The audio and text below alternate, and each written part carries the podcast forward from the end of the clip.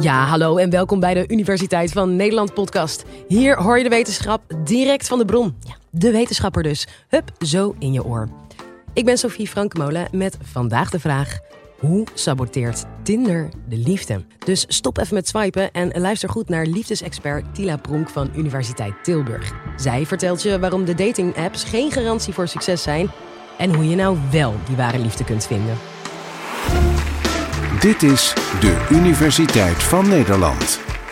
We hebben meer mogelijkheden dan ooit als het gaat om het vinden van onze ware liefde. En dat is evolutionair gezien handig. We kunnen steeds gerichter zoeken naar onze ideale partner. Want bij die honderden profielen, daar moet de perfecte match toch wel tussen zitten. Hoewel er steeds meer koppels hun liefde hebben gevonden via online dating apps, zullen er ook genoeg mensen zijn die deze manier van daten vooral frustrerend en vermoeiend vinden. En daar kan ik me alles bij voorstellen. Ik doe namelijk zelf onderzoek naar online daten. En in dit college zal ik je vertellen of dit nu een vloek of een zegen is voor het vinden van een partner. Voordat ik de wetenschap van het online daten induik, zal ik eerst even kort uitleggen hoe die dating-apps eigenlijk werken. Want ze bestaan pas 10 jaar. Dus mensen die in een lange relatie zitten, zullen waarschijnlijk geen ervaring mee hebben. Neem nu Tinder. Om te beginnen, je maakt een profiel aan. Je plaatst daar wat leuke foto's op en je zet daar eventueel je levensmotto onder. Vervolgens ga je beginnen op zoek naar een partner. Je krijgt een profiel te zien en die kun je naar rechts swipen als je diegene leuk vindt, of naar links als je die persoon niet ziet zitten. Heel simpel, gewoon thuis vanaf de bank. En zo ga je langs al je partneropties. En dat zijn er honderden. En als jij iemand naar rechts swipet en die persoon doet dat ook bij jouw profiel, dan heb je een match. Fantastisch toch? De mogelijke partners liggen voor het oprapen. En dat succes, dat blijkt. In 2021 zaten er maar liefst 57 miljoen mensen op Tinder. En daar kwamen ruim 30 miljard matches uit voort. En dan heb ik het nu dus over Tinder. Maar daarnaast zijn er nog heel veel andere swipe-apps, zoals Happen, Inner Circle of Bumble.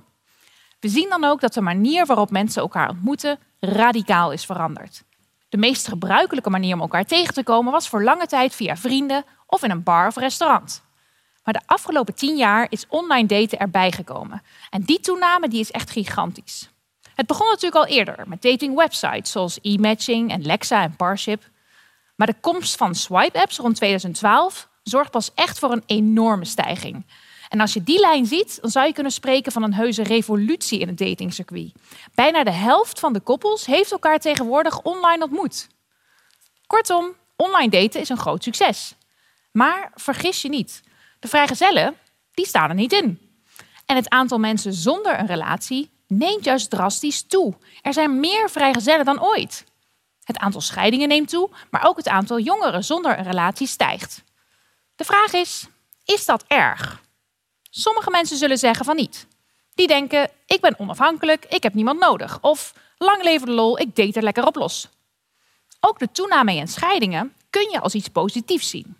Veel mensen hoeven nu niet meer in een ongelukkige relatie te blijven zitten omdat dit van ze verwacht wordt of omdat een scheiding financieel niet haalbaar is.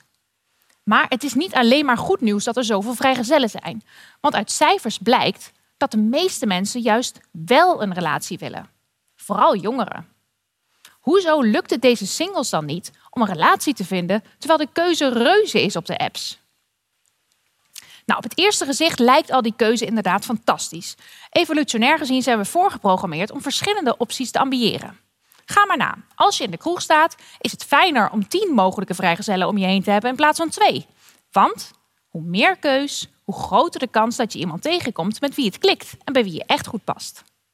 Die grote hoeveelheid keuze, die trekt ons dan ook richting de online dating apps. En lijkt in eerste instantie een soort walhalla. Maar vervolgens raken we helemaal in de war en lukt het ons vaak niet om een partner te vinden. Wat is hier nou aan de hand?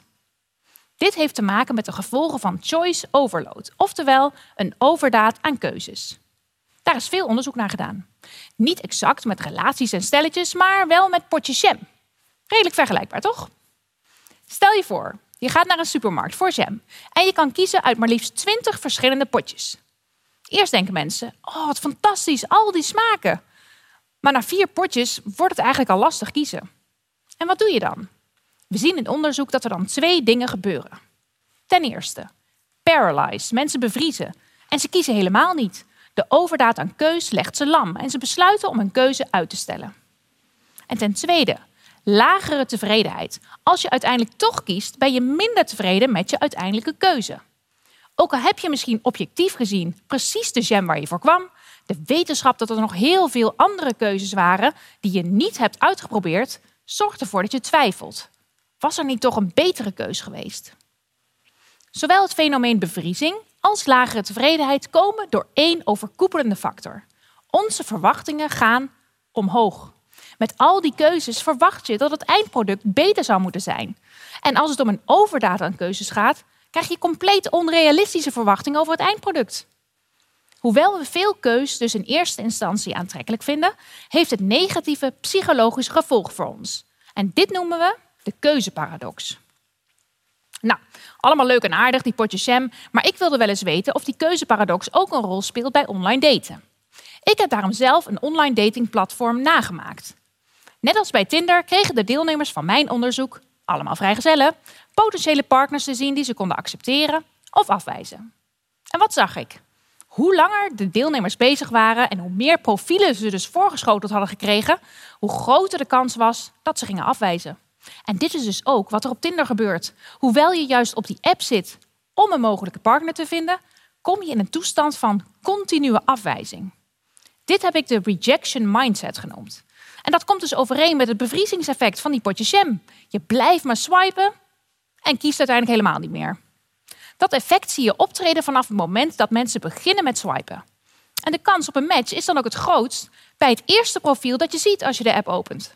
Daarna kikt de rejection mindset in en wordt de kans op een match steeds lager, vooral voor vrouwen. Maar hoe komt dit nou precies? Om dit te onderzoeken heb ik gekeken wat er psychologisch met de deelnemers aan mijn onderzoek gebeurde.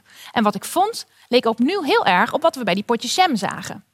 Mensen werden tijdens het swipen steeds minder tevreden met de profielen die ze te zien kregen. En ze werden zelfs pessimistischer over hun kansen om de liefde überhaupt nog te vinden. En deze psychologische processen verklaarden vervolgens waarom ze steeds minder interesse hadden in de profielen.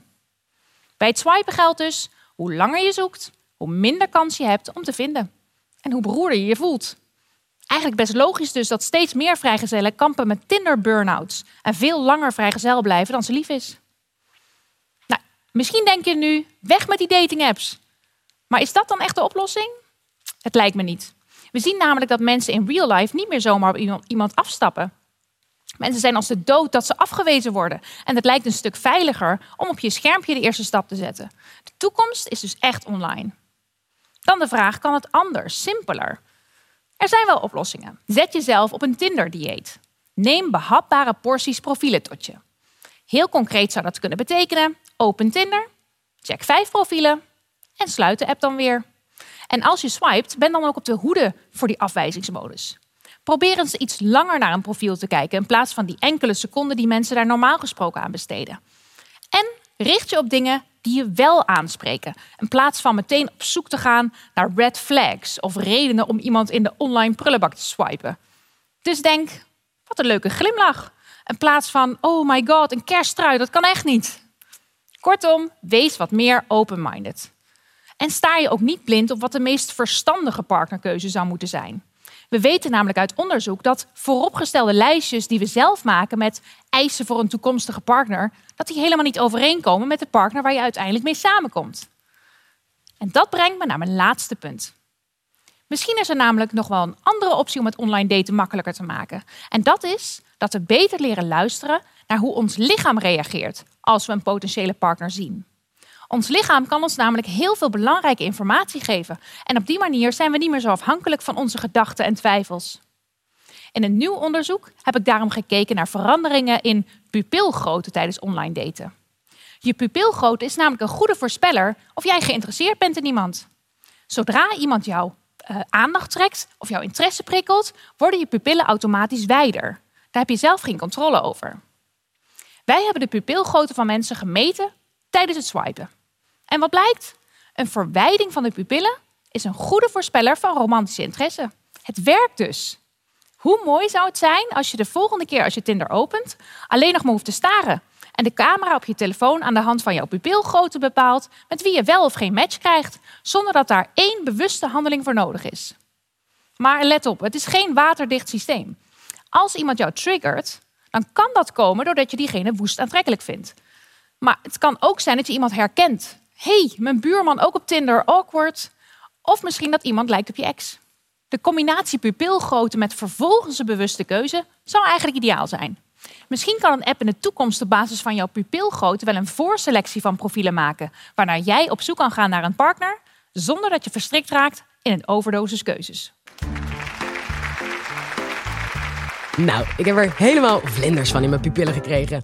Je hoorde Tila Pronk. Volgende keer hebben we het over robots die de wereld overnemen. Want hoe realistisch is dat scenario nou eigenlijk? Tot dan!